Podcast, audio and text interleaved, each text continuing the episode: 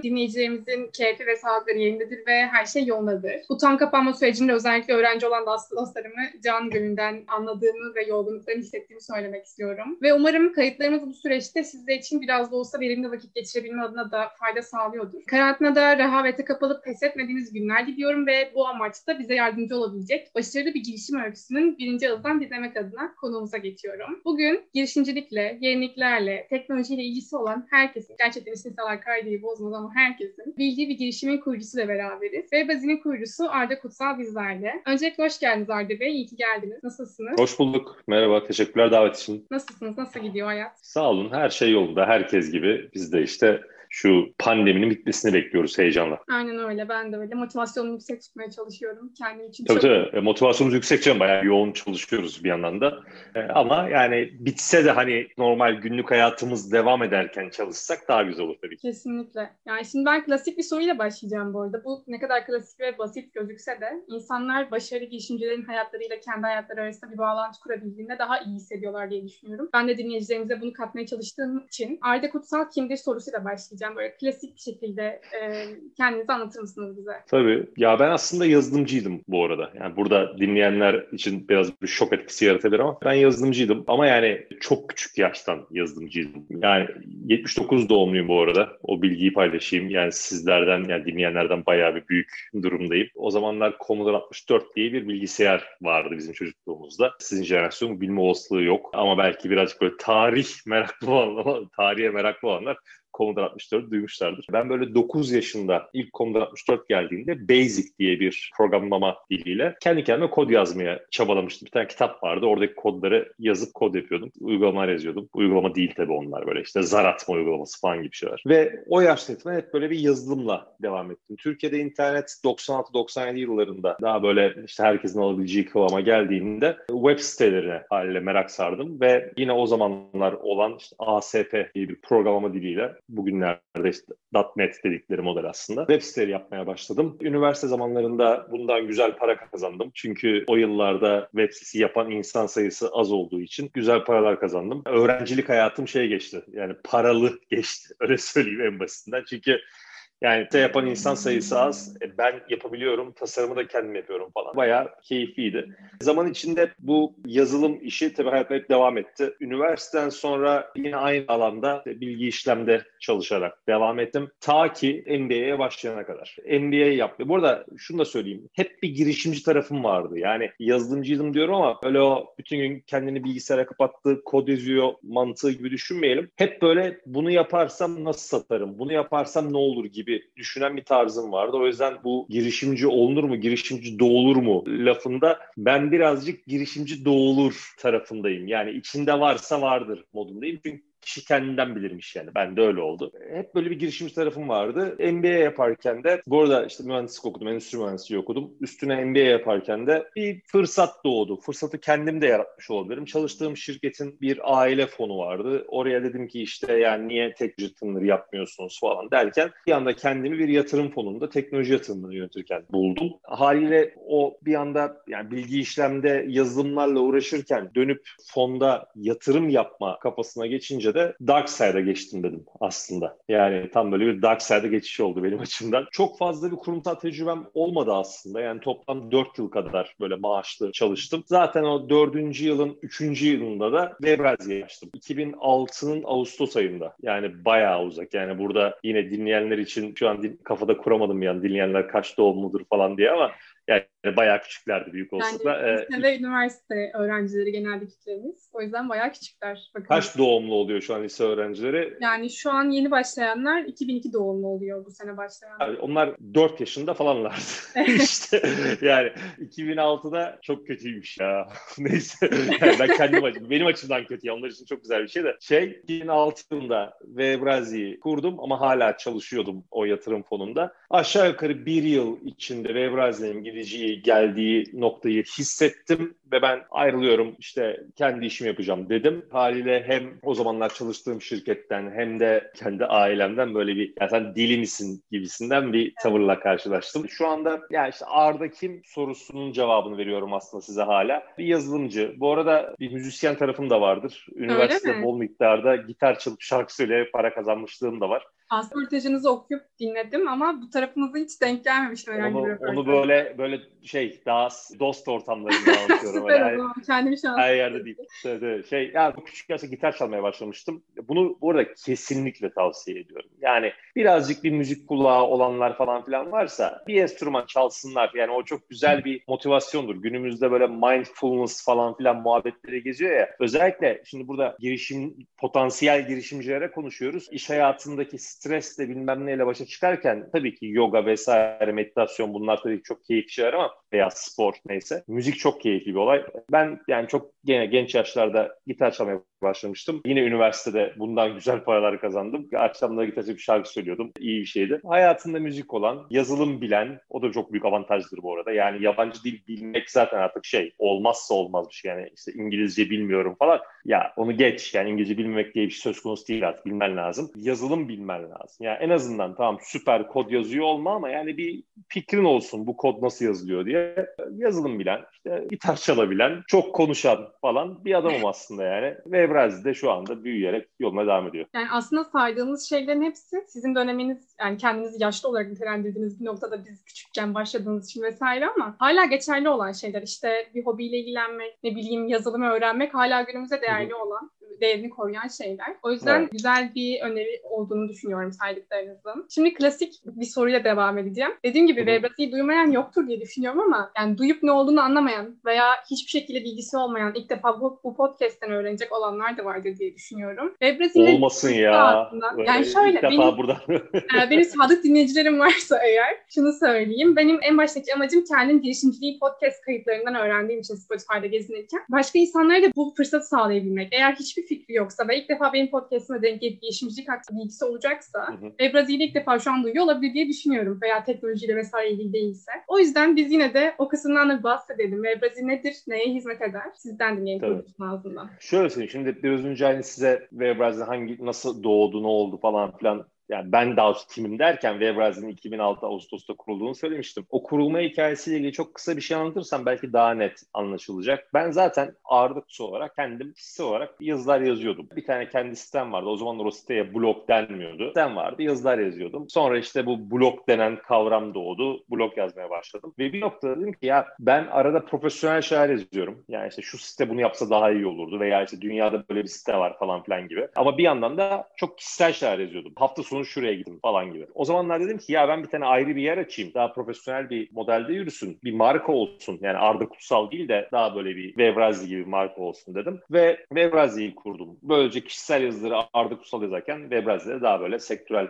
yazılar yazayım. Vevrazi'nin çıkışı aslında bir blog olarak çıktı. Yani o zamanlar işte WordPress altyapısıyla başlamış olan tek başına benim yazılar yazdığım bir yer olarak başladı. Ama zaman içinde birazcık herhalde benim karakterimle veya işte o altyapıyla bağlantısı olarak Webrazi bir, biraz şekil değiştirdi. Yani bugün hala Webrazi'nin ne olduğunu bana soranlara ben cevap veremiyorum bu arada o bilgiyi vereyim. Çünkü ben de bilmiyorum. Yani Webrazi bir medya şirketi mi? Evet. Ama mesela Webrazi bugün WordPress altyapısıyla bir sistem üzerinden yayın yapmıyor. Webrazi bugün kendi yazdığı CMS deniyor bu arada buna Content Management System anlamına gelen. Kendi yazdığı içerik sistemi üzerinden Webrazi'yi takip ediyorsunuz. Bugün işte pandemi döneminde online konferanslar yapılıyor. Bugün Webrazi'nin yaptığı online konferanslar hazır bir yazılım üzerinden yapılmıyor. Webrazi'nin kendi yazdığı bir yazılım üzerinden yapılıyor. Ne bileyim işte bilet satın alıyorlar. O gene biletleme sistemi Webrazi'nin kendi yazılımı. Ne bileyim işte Webrazi içinde gördüğünüz küçük reklamlar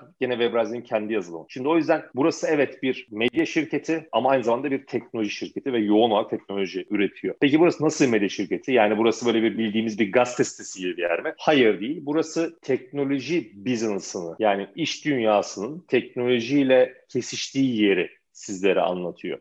Neyi yapıyor? Yani ne tür girişimler çıkmış piyasaya? Kim kimi satın almış? Kim kime yatırım yapmış? Yani bugün örnek vermek gerekirse Bloomberg, Financial Times gibi isimler vardır ya medya şirketleri evet. vardır. Bunların sadece teknoloji tarafına bakan bir şirket düşünün ve Brazil bunu yapıyor. Ama dediğim gibi bu sadece buzdağının görünen yüzü. Bunun altında ciddi anlamda teknoloji üreten, çok güçlü bir network'ü olan yani sadece Türkiye değil dünyada da yani dünyada bildiğiniz bütün o büyük yatırımcıların işte girişimlerin falan hepsinin çoğunlukla Türkiye ile alakalı bir işleri olduğunda iletişim kurdukları yer pozisyonunda. Bir o yüzden çok özür dilerim. Yok buyurun tabii söyleyin söyleyin. Şeyi söyleyecektim. Bir röportajınızda yine dinlemiştim. Gelirken hazırlıklı gelmişim belli. Silikon Vadisi'nde yine isminiz geçtiğinde Aa evet Türk şirketi diye e, direkt akıllara geldiğinden bahsettiniz. O anlamda gerçekten tabii, tabii. başarılı gördüğümüz bir girişim. Tabii yani Webrazi markasını Amerika'da, Avrupa'da, Orta Doğu'da sektörün içindeki yani nedir yatırımcıdır, bilindik bir girişimcidir vesaire. Bunlara Webraz dediğinizde yani çok çok büyük olasılıkla size ha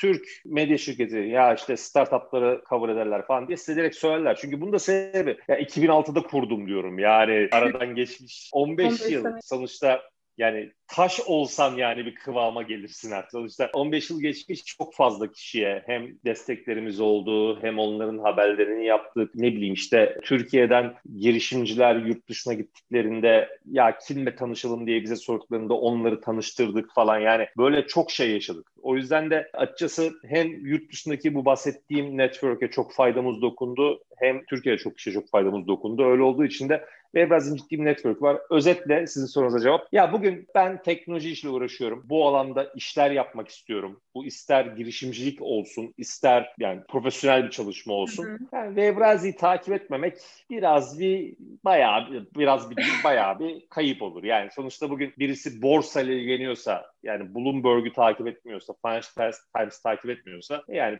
bir eksiği vardır yani hayatında. Yüzden Webraz'da öyle bir pozisyonda ama dediğim gibi bu bizim dışarıda konuştuğumuz taraf. İçerisi daha yoğun size biraz öteden anlattığım şekilde yani teknolojisi, networkleri vesairesi. Böyle. Şimdi bir de kendi blogunuzdan yola çıkarak Webraz'ı kurduğunuzdan bahsettiniz. Evet. Merak ediyorum en başta hani bir girişimcinin daha iyi hayal kurabildiği ve işte hakkında daha iyi canlandırdığı, daha iyi planlar yaptığı söylenir. Siz de en başta baktığınız zaman yani kendi blogunuzdan ne kadar farklı bir yere gidebileceğinizi düşündünüz. Bunu hayal edebilmiş yapabilmiş miydiniz şu anki geldiğiniz noktayı yoksa daha ufak çaplı bir şey mi düşünüyordunuz? Ya ben bu soruyu çok seviyorum. Bu soruyu daha önce sordular bana. Ama bunu ne cevap vereceğimi bilemiyorum çoğunlukla. Çünkü ya nasıl anlatayım? Şimdi o zamanlar ben bu işi başlatırken bunun bir yere geleceğine inanılmaz inanıyordum. Yani şu anda böyle hakikaten girişimci yani doğanlar demek istediğimi aslında içlerinde hissediyorlardır. Şimdi ya ben bunu yapacağım çok güzel olacak diyorlar ama o çok güzel olacak derken kafalarında parasal bir hedef falan koymuyorlar aslında. Yani bence zaten başarılı bir iş hayata geçerken parasal bir hedefle hayata geçmiyor. Ben bugüne kadar işte 15 yıl Webrazi var. E, diyorum ki size 96-97'de internet başladığında site yapmaya başlamıştım. Yani o zamanlar da birilerine bir şeyler yapıyordum. Onları geçelim o tecrübeleri.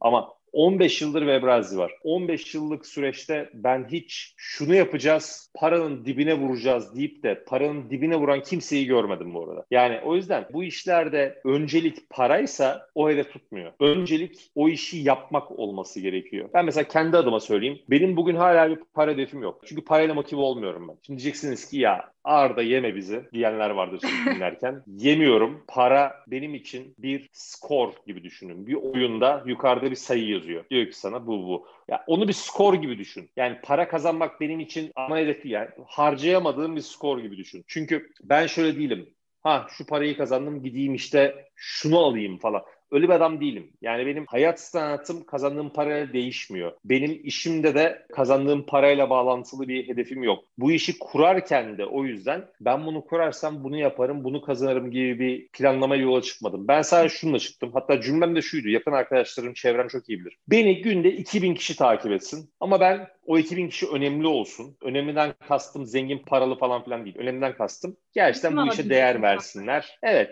yani bu ben onlara dediğim zaman işte şu şirket şunu kurmuş çok güzel bir şirket dediğimde o bir işe yarasın. Yani onlar başkasına desinler ki bak böyle bir şirket varmış. Ben hep bu kafaya çıktım. O 2000 kişiye ulaşmak için çıktım yola. Bugün geldiğimizde ve Evraz şu an çok tabii değişken günlük haber akışına göre ama aşağı yukarı günde ortalama 45, 50, 55 bin kişi arasında yani dönemine göre bazen tabii 150 bin kişi o ayrı konu ama yani normal şartlarda bu seviyede kişiler ulaşıyor. Ama benim çıkış hep oydu. 2000 kişiye ben ulaşayım, benim yazdığım yazıyı görsünler, bana yeter diyordum. Para değildi hedef. O yüzden yani sorunun cevabı şu, benim açımdan bunu kurarsam bu olur demiyordum ben. Sadece ben bunu kurarım, bu da güzel bir iş olur. Güzel bir iş olursa da para da kazanırız ya. O gün gelince para kazanmak söz konusu olunca bakarız gibi yola çıktım açıkçası.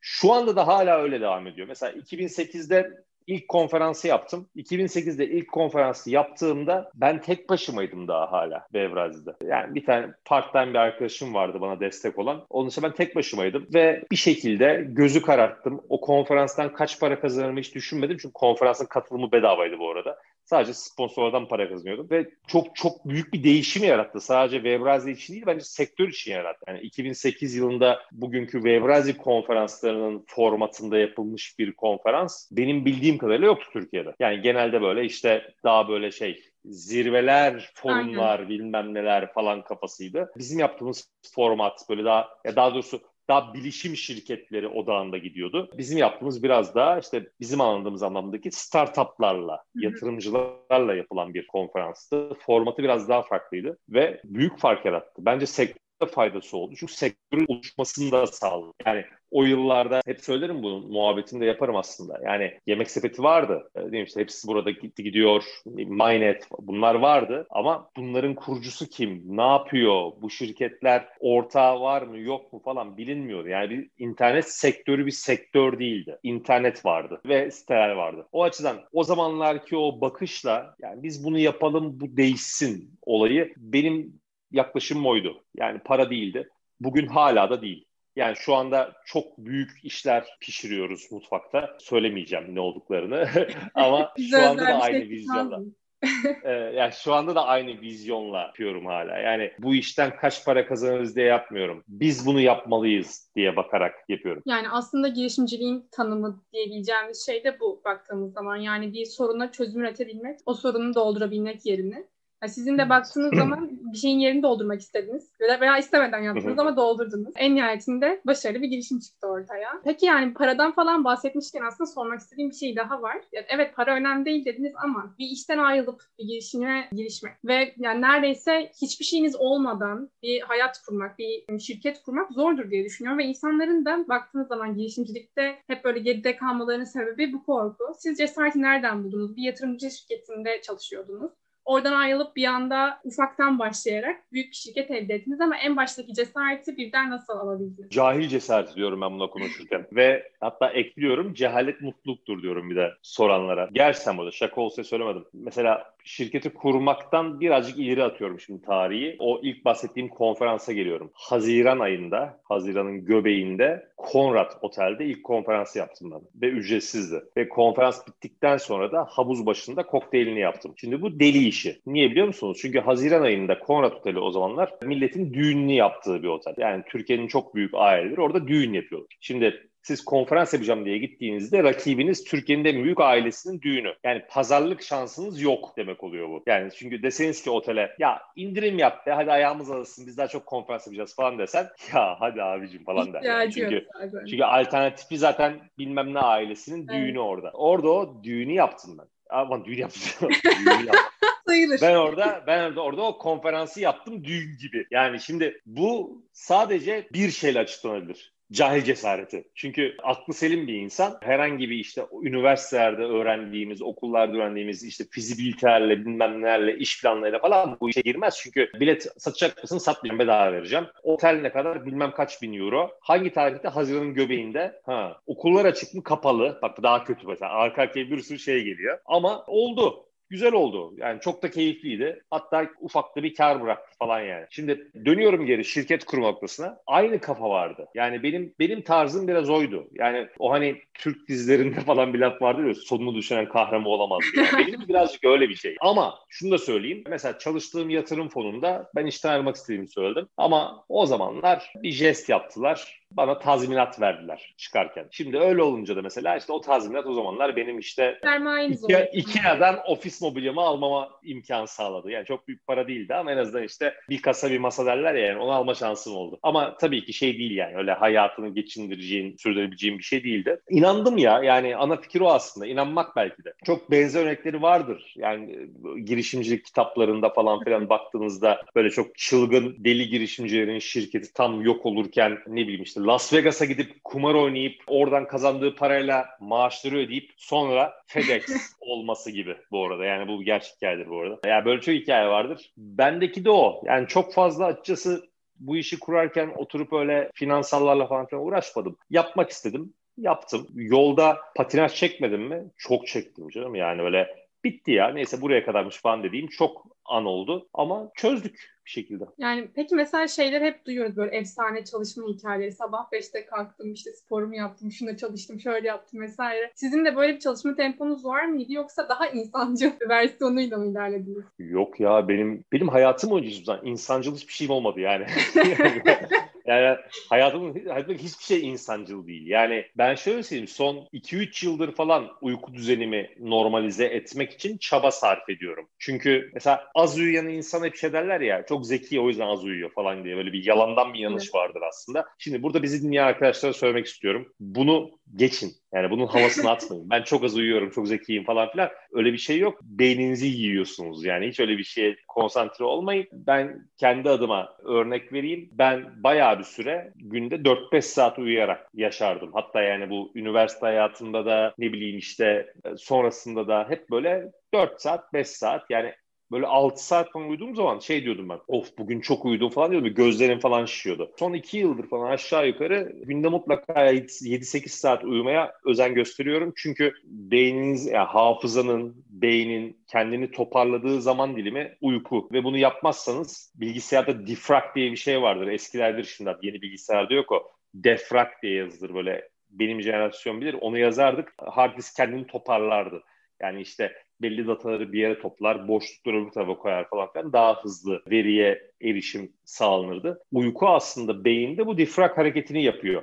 O yüzden biraz uyumak gerekiyor. Ben hayatım boyunca yani son iki yıla kadar günde 4-5 saat uyuyan falan bir adamdım. O yüzden girişimci hikayesinde çok fazla var. Yani konferans yapıyorsun sabah saat işte 5'e 6'ya kadar sahne kuruluyor falan en basitinden. Veya çok yakın çok yakın hikaye anlatayım ben size. 2020 Mart'ın galiba 11'iydi. Türkiye'de ilk Covid vakası duyuruldu evet. ve biz 13 Mart itibariyle zaten Webrazi'yi kapatma kararını almıştık. Yani 11 Mart'tan öncesinde biz bu kararı almıştık çünkü bekliyorduk bir vaka çıkacağını. 13 Mart itibariyle de ofisi kapattık ve tamamen evden çalışmaya geçtik. Ama bizim önümüzde konferanslar var, bir sürü iş var falan filan. En basitten bir ofis var ve ofisin telefonu var falan. Bir sürü bir şeyler var. Bir, yakındaki konferanslar ertelendiler.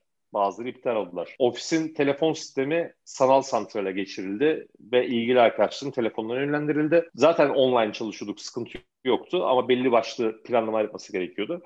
Ve Nisan ayında yapacağımız konferansımızda Haziran ayına erteledik 2020'de. gerçekleşmedi. Gerçekleşti şöyle gerçekleşti Haziran ayı konferans. Online gerçekleşti. Evet. Ama online gerçekleştireceğimiz altyapımız daha hazır değildi. Çünkü biz o altyapıyı Ekim ayına hazırlamak üzere çalışıyorduk. Yani tüm planlamamız Ekim ayına daha pandemi falan yokken Ekim ayında Webrazi Summit'i yaparken insanlar hem fiziksel katılsınlar, isteyenler de online katılsınlar daha ucuz fiyata gibi planımız vardı. Üstüne pandemi gelince dedik ki biz bu yazılımı hızlı yazalım. Ekim değil de Haziran'a yetişsin dedik. Ve şöyle söyleyeyim. Sabah 9'da Haziran ayında tarih şimdi hatırlamıyorum. Sabah 9'da konferans başlayacaktı. Biz 7.30'da server'a kodları atıyorduk. Öyle söyleyeyim. Yani şimdi o yüzden şöyle bir dünya yok. Ya 15 yıllık Webrazi artık bütün işte oturmuştur. Arda da böyle orada yayıyordur işte falan değil. Yani biz hala geçen sene bile sizin o bahsettiğiniz türde perişan olur şekilde çalışmaya devam ettik ve hala da ediyoruz bunu. Hala da var böyle. Ya hayat şartları örnekler değiştikçe zaten karşımıza yeni yeni sorunlar çıkıyor ve bir girişimci kafası evet. olarak bunları çözme adına uğraşabilmek de yine bizim elimizde. Görüyorum ki zaten pandemi sürecinde bu şekilde güzel idare etmişsiniz. Onu da soracaktım. Evet, evet. Pandemi sürecinde nasıl alternatifler geliştirdiniz, insanlara nasıl ulaşmayı amaçladınız diye. Bunda değinmiş oldu. Bu arada şunu da soracaktım. Ben daha yeni öğrendim Webbez'in isminin nasıl bir birleşimden geldiğini. Eminim duymayanlar vardır o yüzden. Ben de çünkü senelerdir takipçisiyim. İlk defa geçen gün fark ettim. Onu da söyleyebilirseniz güzel olur aslında. Çünkü güzel bir koalisyon olmuş aslında iki kelimenin birleşimi. Ben Webrazi'yi ilk açtığımda ki hala aslında aynı çizgiye devam ediyor. E, ne yapıyorduk? İşte o bunu satın aldı, bu buna yatırım yaptı falan gibi haberler. Yani aslında bir tür kulis haberleri yazıyordu. Gerçi şu an çok daha geniş yani sadece öyle son dakika o buna yatırım yaptığı haberi değil. Daha böyle insanlara hakikaten vizyon verecek haberleri de paylaşıyoruz artık ama çıkışı oydu. Ben de marka düşünüyordum kendi kendime. Evde oturmuş böyle pijamalarla. Yani ne olsun ne olsun derken web Razi geldi. Açılımı da web paparazzi'ydi aslında. Ama dedim ki ya bu kesin alınmıştır ya. Sonuçta paparazzi diye bir laf var. Bayağı universal böyle uluslararası herkesin bildiği bir kelime. Yani web razi ne bileyim yani bir magazin sitesi falan birisi herhalde bunu almıştır dedim. Bir baktım boş. Şimdi daha komiği razi uzantılı her şey boş o zamanlar. Çok iyi. Yani Kimse ee, bu kadar yaratıcı olamamış o dönemde. Değil olmamış ve yani ya web paparazzi aslında benim benim yarattığım şey web paparazzi'den yarat. Ama bana garip gelen bir insanların bunun web paparazzi olduğunu tahmin etmemesi. Yani web paparazzi'den web paparazzi aklına gelmiyor. İki yani kimsenin de bunu haline almış olmaması çok garip gelmişti. Çok büyük avantajları oldu markanın. Yani yabancılar çok rahat söylüyorlar. Çok yani çok kolay söylüyorlar markayı. Duyulduğunda kolay kolay unutulmuyor. O da çok iyi oldu. Webrazi falan diye çok rahat yani.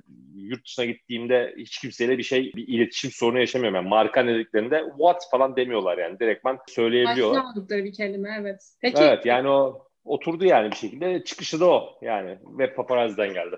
E, globalden bahsetmişken onu da değinmek istedim. Bildiğim kadarıyla İngilizce blog versiyonumuz da var 2014'te hayata geçirilen. Evet o şu anda çok aktif gitmiyor. Evet. Çünkü İngilizce içerik yapmak çok başka bir şey. Yani biz ya bir kere Webraz'in bir özelliği var. Onu da hemen araya sıkıştırayım. Hızlı ürün çıkartırız ama olmuyorsa çok hızlı kapatırız. Çok fazla o konularda şey değiliz böyle.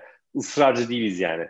Yani Vazgeçmeyi de bilmek gerekir denir ya. Kesinlikle. Ya tabii şimdi mesela Türk kültüründe birazcık o failure yani başarısızlık falan böyle bir vaa başaramadı olmadı falan gibi bakar. Yurt dışında ise tam tersi denedik öğrendik Aynen. yani neden olma, neden olmadığını öğrendik gibi bakılır. Biz tam olarak öyle yaşıyoruz. Yani neden olmadığını öğrendik gözüyle bakıyoruz olaya. İngilizce içerik yani yıllar önce biz aslında İngilizce versiyonu açtık ama nasıl yaptık? İşte Webrazz'e çıkan haberleri tercüme edelim. Hı hı. Bu iş öyle olmuyor. Yani onu yapacaksan ekip kurman lazım.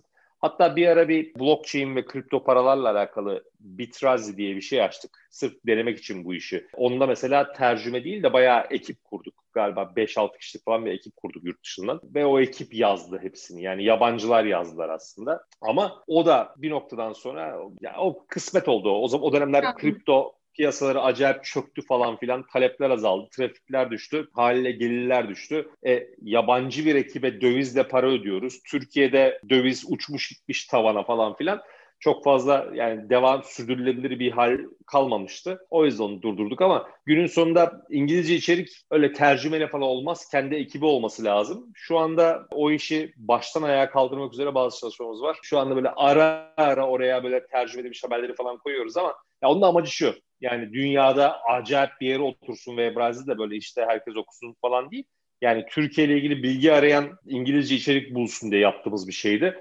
Ama şimdi o modeli değiştiriyoruz. Bu bahsettiğim Bitraz'den de aldığımız tecrübeyle dedim ya işte yani hatayı yani başarısızlık gibi görmek lazım. Hataları öğrenmek lazım. Başlı başına bir ekibin yönettiği bir model halinde yakın zamanda inşallah duyuracağız. Umarım e, istediğiniz gibi ilerler bu süreç. Ama bahsettikleriniz bence inşallah. daha da güzel oldu. Tecrübelerinizden aktarılmış bir sanırım öneri oldu. Hani tabii, ilk tabii. hatada vazgeçilmemesi gerektiği, vazgeçilmenin de ya da bir hata olmadığını aktarmış olduk birinci ağızdan. Bir de şimdi globalden bahsetmişken e, girişimciliği birinci ağızdan belki de takip eden insanlardan birisiniz zaten işiniz gereği. Globale baktığınız zaman Türkiye'deki girişimciliği ne durumda görüyorsunuz? Yani bir kıyaslama içine girecek olursak Türkiye'de girişimcilik ne kadar gelişti sizce? Özellikle WebBazi'nin kurulduğu dönemlerden almak istiyorum. Çünkü 15 senedir var olan bir şirket. O zamandan beri gözlemlediğiniz bir piyasa var ortada. Ya, ya tabii girişim ekosistemi diyeyim, teknoloji girişimci diyelim hatta daha da şey. Yani girişim değil çünkü inşaatçı da girişimci aslında tabii. yani. Ama teknoloji girişimciliğine baktığımızda Webrazi'nin kuruluşundan bugüne tabii ki çok şey öğrenildi. Yani hem sektör için hem bizler için hem yatırımcılar için çok şey öğrenildi. Bir kere sektör oluştu daha ötesi. Yani biz geldiğimizde buralar tuttuktu falan gibi bir şeye girmek istemiyorum ama yani Öyleydi. Ama doğru yani. gerçekten. Doğru. Yani bir sektör oluştu ve sektör öğrendi. İşte belli bir dönem işte acayip yüksek değerlemeler vardı. Amerika'daki Silikon Vadisi gibi. Sonra şimdi artık biraz daha insanların daha makul olması gereken yerlerde değerlemelere ulaşması sağlandı. En azından daha tohum aşamasında diyeyim yani. Çünkü ben hatırlıyorum yıllar önce böyle daha şirket kurulmamış Amerika ekolünden yola çıkarak hop garip garip rakamlarla tohum yatırımlar alınmaya çalışılıyordu. Şimdi mesela onlar artık bir oturdu. Yatırımcılar da öğrendi. Yatırımcı sayısı arttı. En önemlisi o. Çünkü girişim sermayesi fonlarının sayısı çok azdı. E, fon olmayınca sektörün gelişimi yavaşlıyor falan. E, onlar arttı. Bence girişimciler de öğrendiler. Çünkü artık başarılı girişimciler var. Türkiye'den şirketini satmış olan girişimciler var. E, onlar dönüyorlar, gidiyorlar, yatırım yapıyorlar. Haliyle yatırım yaptıkları şirkete tecrübelerini aktarıyorlar. O açıdan bence bir gelişim var ama daha fazlası gerekiyor. Bence daha hala yolun çok başındayız. Sebebi de şu, biz Türkiye'de daha yeterince exit görmedik. Daha fazla exit olması lazım. O şirketini satan veya işte halka açan neyse artık girişimcilerin dönüp tekrardan yatırım yapıyor olması lazım ve bu şekilde bir ekosistem olması gereken yere gelir. Şu anda fena değiliz. Ha bu arada tabii beraberinde daha çok fonların çıkması lazım. Çünkü yani Türkiye'de böyle iki elin parmakları kadar fon var. Ee, öyle olmaz o iş yani. Çok daha fazla fon gerekiyor ve çok daha büyük sermayeli fonlar gerekiyor. Ama bence ilerliyor. Ben, bence olacaktır bir noktada. Belli başlı altyapılara ihtiyaç var. Bu altyapılar ne bileyim işte belki bazıları yasal düzenlemeler, bazıları teşvik destekler, bazıları ne bileyim işte fonlarla alakalı çalışmalar. En basit örneği bugün kitle fonlamasının bile artık çalışır hale gelmesi Türkiye'de sektör için bir faydadır. Daha henüz olmadı. Yani bir yasa çıktı ama daha hayatımıza işler halde girmedi. E, kitle fonlaması dediğiniz şey bugün siz bir girişim kurmak istiyorsunuz. İşte gidiyorsunuz bir tane siteye kendinizi listeliyorsunuz. Millet geliyor 300 lira, 500 lira, 1000 lira bile size yatırım yapabiliyor. Mesela bunu yapabilmek çok büyük bir avantaj sektör açısından. O yüzden elbette ki Webrazi'nin kurulduğu zamandan bugüne büyük anlam, büyük bir gelişme oldu. Ama daha çok yol var. Ama günümüzde diğer ülkelerle karşılaştırdığımız zaman hala alacağımız çok yol var gerçekten. Çok yol var ama yani gerçekleşmesi için de hayalperestlere ihtiyaç var. Yani burada aslında biz dinleyenlerin arasında vardır belki de bilmiyorum. Yani böyle delilere ihtiyaç var. Ee, böyle çılgın fikir çılgın fikir fikir kelimesini doğru anlamak lazım. Yani fikirin hiçbir anlamı yok. Sizin onu nasıl hayata geçirdiğinizle alakalı bir şey. Biraz böyle bir deli olması lazım. Ama yani fikir değil hikaye. Hangi fikri yaptığının çok an- önemi yok. Yani istiyorsa limon satsın internetten fark etmez yani. Günün sonunda onu satmaya başladı mı? Satıyor mu? Ve bunu nasıl satıyor? Yani nasıl paketliyor onu falan. Hikaye o aslında günün sonunda. Bence bu tür girişimcilere ihtiyaç var. Nasıl işte Peak Games gibi çok büyük satışlar Türkiye'nin bir anda tüm o motivasyonunu yükseltti ve şu anda haberini, haberlerini yaptığımız bir sürü oyun şirketi yatırımlarına vesile oldu. Onlar gibi örnekler gerekiyor. O zaman umarız dinleyenlerimiz arasında böyle çılgın bireyler varsa daha da cesaret alır, yola koyulur. Çılgın girişimciler, çılgın giriş, girişkenler değil onu söyleyeyim. Yani öyle girişken olmasınlar, girişimci olsunlar. Yani öyle kafa göz yararak da bir şeye girmekten bahsetmiyorum. Böyle gerçekten içinde o girişimci ruhunu hisseden ve gerçekten bir şeyi yapmak için bıkmadan, usanmadan, sabırla çalışacak kişiler lazım. Şimdi bir de ama önümüzde belirsiz bir pandemi süreci var ne yazık ki ne zaman bitecek, bu süreci nasıl atlatacağız? Tabii ki sürecin ilerleyen aşamaları hala ülkemizde özellikle çok belirsiz gittiği için eminim ki bu da girişimci diye düşünen insanların cesaretini kıran noktalardan biridir. Şimdi avantaj olarak gören bir kesim de vardı bu süreci, dezavantaj olarak gören bir kesim de var. Benim çevremde hiç avantaj olarak gören bir kesim oluşmadı açıkçası. Yani girişimleri yakından takip eden biri olarak pandemiyle birlikte cesareti kırılan insanlara bu süreçte tanıdığımız yeni girişimlerden bahsedebilir misiniz? Ben bu dönemi avantajlı görüyorum. Çünkü şöyle söyleyeyim yani pandemiden önce Türkiye'de birçok büyük kurumun dijital dönüşüm çalışmaları kapsamında yapması gereken maddeleri hep konuşurduk, tartışırdık. Ya Türkiye'de bu olması lazım, şu kurumların bunu yapması lazım. En basit bankacılık. Bankada bugün bir hesap açmanız için bankaya gitmeniz ve imza atmanız gerekiyordu. Pandemi sayesinde uzaktan kimlik doğrulama diye bir mevzu hayatımıza girdi. E şu an siz bankaya gitmeden uzaktan kimlik doğrulama, doğrulama yöntemiyle banka hesabı açabiliyorsunuz. Şimdi bu ne demek biliyor musunuz? Yani normalde belki de 2020'de gelen pandemiden 5 yıl sonra hayatımıza girecek olan bir şey işte bir yıl olmadan hayatımıza girdi aslında yani. Bunun gibi çok örnek var. Bunun gibi çok fazla örnek var.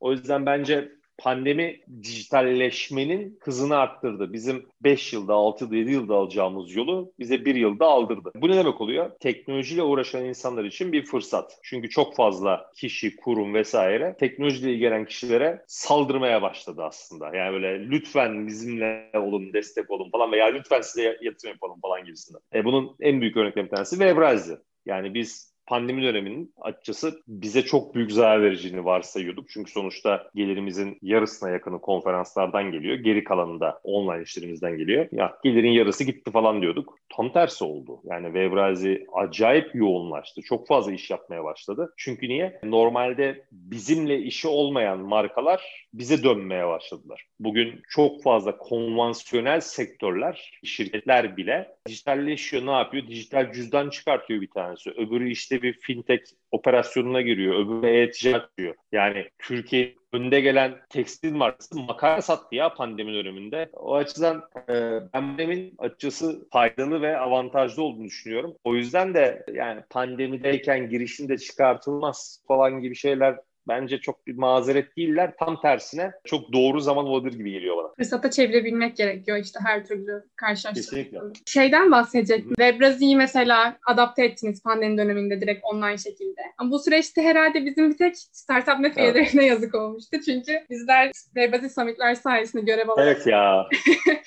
güzel networkler kurabiliyorduk. Çok iyi, değerli insanlarla karşılaşabiliyorduk. Herhalde bir tek bizim o yönden sıkıntı oldu. Yoksa gerçekten her şey Ekim ayında eğer bir aksilik olmazsa Ekim ayındaki Weber Summit'i fiziksel yapmayı planlıyoruz şu anda. Eğer yani eğer hedeflenen aşılama vesaire devletin aşıladığı aşılamalar falan gerçekleşirse Ekim ayında Weber Summit fiziksel olacak inşallah görüşeceğiz sizinle tekrar. Umarız orada görüşebiliriz diyeyim o zaman. Şimdi ben normalde konuklarımızdan illa bir öneri isterdim, öğrencilere tavsiye isterdim ama gerçekten inanın tüm konuşma boyunca o kadar değerli tavsiyeler yakaladım ki ben önünde sırada not aldım belki görmüşsünüzdür not alırken. Evet gördüm. O yüzden ekstra bir soru sormayacağım bunun hakkında. Sadece benim klasik bir bitiriş sorum var. Bir film ve kitap önerisi istiyorum. Bu önerinin girişimcilikle alakası olması şart değil. İsterseniz öyle de olabilir tabii. Sadece özellikle bu tam kapanma döneminde insanların da ihtiyacı olan tavsiyelerden biri olabilir diye düşündüm. Varsa bir film ve kitap önerisi alabiliriz sizden. Tabii. Ya kitabı hemen söyleyebilirim ama yani kitap bin sayfa falan yani öyle bir sorunu var. 900 küsür sayfa yanlış hatırlamıyorsam. Çok da eski bir kitap. 1930 1930 küsür mü 1940 küsür mü ne yazılmış. Ama şöyle söyleyeyim Silikon Vadisi'ndeki benim de çok sevdiğim birçok girişimcinin başucu kitabıdır. Türkçesi Hayatın Kaynağı, İngilizcesi The Fountainhead, yazarı da Ayn Rand.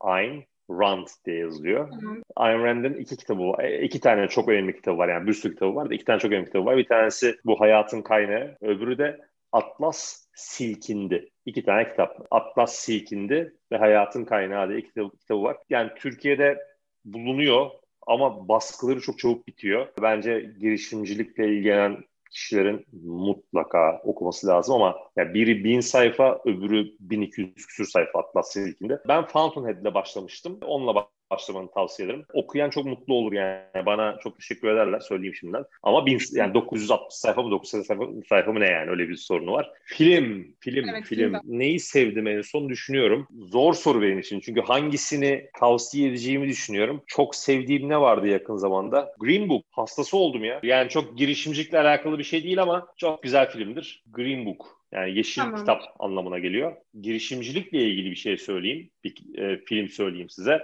2006 yapımı Will Smith'in filmi belki izlemişlerdir ama The Pursuit of Happiness. Umudunu kaybetme diye çevirmişler Türkçe'ye. Will Smith'in filmi Umudunu kaybetme bir filmdir. Tam böyle yani girişimci yani girişimle ilgilenen kişiler için böyle bayağı bir gaz verir. Hadi üçüncüyü de söyleyeyim. Ben çok severim. Wolf of Wall Street. Efsanedir ya. Leonardo DiCaprio. Kült bir film gerçekten. Efsanedir yani. Seyretmeyenler seyredir. Ben onu 6 kere falan seyretmiş olabilirim yani. Çok severim o filmi. Gerçek hayat hikayesi biliyorsunuzdur belki. Evet. O yüzden hatta yani Leonardo DiCaprio oynadığı karakterin gerçek hayattaki karşılığını da ararsın tavsiye ederim. Güzel filmlerdir bunlar. Daha çok vardır tavsiye edeceğim de bunlar şimdi hızlıca aklıma geldi. Yani zaten eminim hem kitaplardan hem filmlerden akılda kalıcı olan birçok şey olmuştur önerebileceğiniz ama biz böyle birer tane ikişer tane alsak yeterli. Çok teşekkür ederiz. Bu arada ben kapatmadan bir şey daha soracağım aklıma gelmişken özür dilerim sizi de tutuyorum ama Evet. Ee, ve Brezilya'da içerik üreticiliği evet, hakkında bir şey soracaktım. Şimdi ben mesela direkt şu an istiyorum Brezilya'da içerik üretmeyi. Nasıl başvurabilirim? Nasıl alınabilirim? Onun hakkında bir bilgilendirme de yapalım isteyenler için. Şöyle, şimdi full time